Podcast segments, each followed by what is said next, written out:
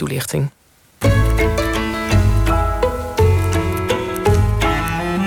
De column van Micha Wertheim.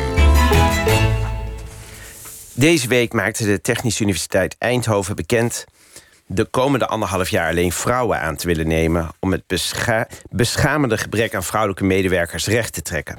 Het plan is niet om incompetente vrouwen aan te stellen... maar om op zoek te gaan naar competente vrouwen. Als die niet te vinden zijn, dan zullen er mannen aangesteld worden. Dat leek mij, in tegenstelling tot een aantal vrouwen die ik hoog heb zitten, eigenlijk helemaal geen gek idee. Toen ik klein was, zat ik op een lagere school... waar behalve een meerderheid aan juffen ook drie meesters les gaven. De meesters gaven les aan de bovenbouw... en een van hen, meester Beker, was tevens de baas van school.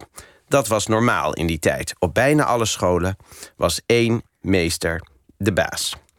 Overal overblijven kon in die tijd niet toen ik klein was. En dus moest mijn moeder tussen de middag om ons op te halen... heen en weer naar school om ons te halen en te brengen. Natuurlijk had mijn vader ook kunnen helpen... maar dat was toen, veel meer nog dan nu, niet iets dat vaders deden. En zelfs als mijn vader deeltijd had willen werken... was het nog maar de vraag geweest of zijn werkgever dat mogelijk had gemaakt. Pas toen ik zes jaar oud was, durfde mijn moeder het aan om deeltijds te gaan werken. Dat kon alleen omdat onze buurvrouw, tante Leni, bereid was om ons op de dagen dat mijn moeder werkte van een lunch te voorzien. En pas toen ik tien jaar oud was, besloot de school onder druk van een paar moeders die ook een carrière wilden, een overblijfprogramma in het leven te roepen. En ook de overblijf werd helemaal geregeld door moeders. Mijn moeder werkte ondertussen ergens waar ze de enige vrouw met kinderen was. Er werkten ook mannen met kinderen, maar vrouwen hadden of geen kinderen of ze stopten met werken. Ook op mijn middelbare school was de leiding helemaal in handen van mannen. En toen ik een paar jaar later aan mijn studie cultuurwetenschappen begon... waren alle hoogleraren en de decaan op de faculteit mannen.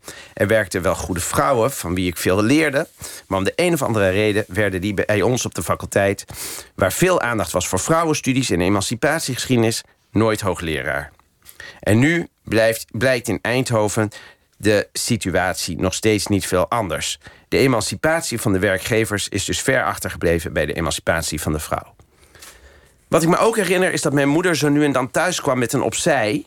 die ze op het station met enige tegenzin had gekocht. Ze was geen lid omdat ze zich niet thuis voelde bij vrouwen... die alles door de bril van de strijd tussen de seksen zagen. Zelf las ik wel eens een interview waarin hoofdredacteur Siska Dresselhuis mannen tegen de feministische meetlat legde. Die mannen kregen meestal een onvoldoende of een heel laag cijfer.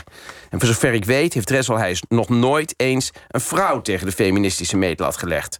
Terwijl de strijd om gelijke rechten toch niet een strijd tussen vrouwen en mannen zou moeten zijn, maar een strijd waar mannen en vrouwen samen belang bij hebben. Althans, dat dacht ik. Inmiddels ben ik zelf vader en pluk ik dagelijks de vruchten van die strijd om gelijke rechten. Dankzij vrouwen zoals mijn moeder, maar ook dankzij tante Leni en de overblijfmoeders die op ons pasten, maar ook dank, dankzij vrouwen als Siska Dresselhuis die het allemaal wat minder verfijnd aanpakten, kan ik, net als een deel van mijn vrienden, de opvoeding van mijn kinderen combineren met professionele carrière.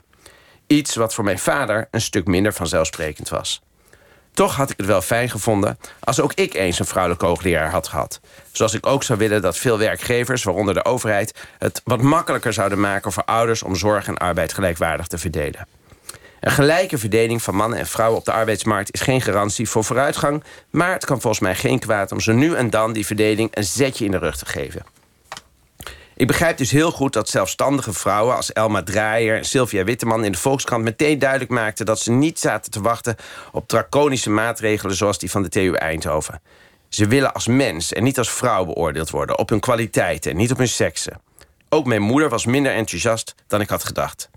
Het is natuurlijk ook nogal een belediging voor vrouwen dat gelijke rechten de afgelopen 50 jaar nog steeds niet tot gelijke kansen en representatie hebben geleid.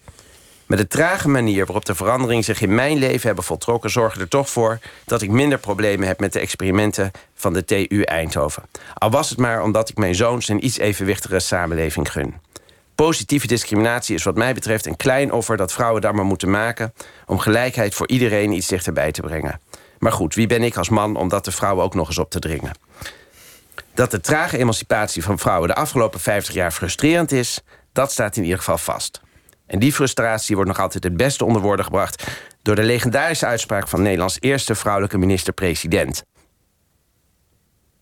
Ja, we kijken hier heel verbaasd aan. De, de legendarische uitspraak van Nederlands eerste vrouwelijke minister-president. Die is er dus niet. Juist. heel goed. hey, Micha, dank je wel.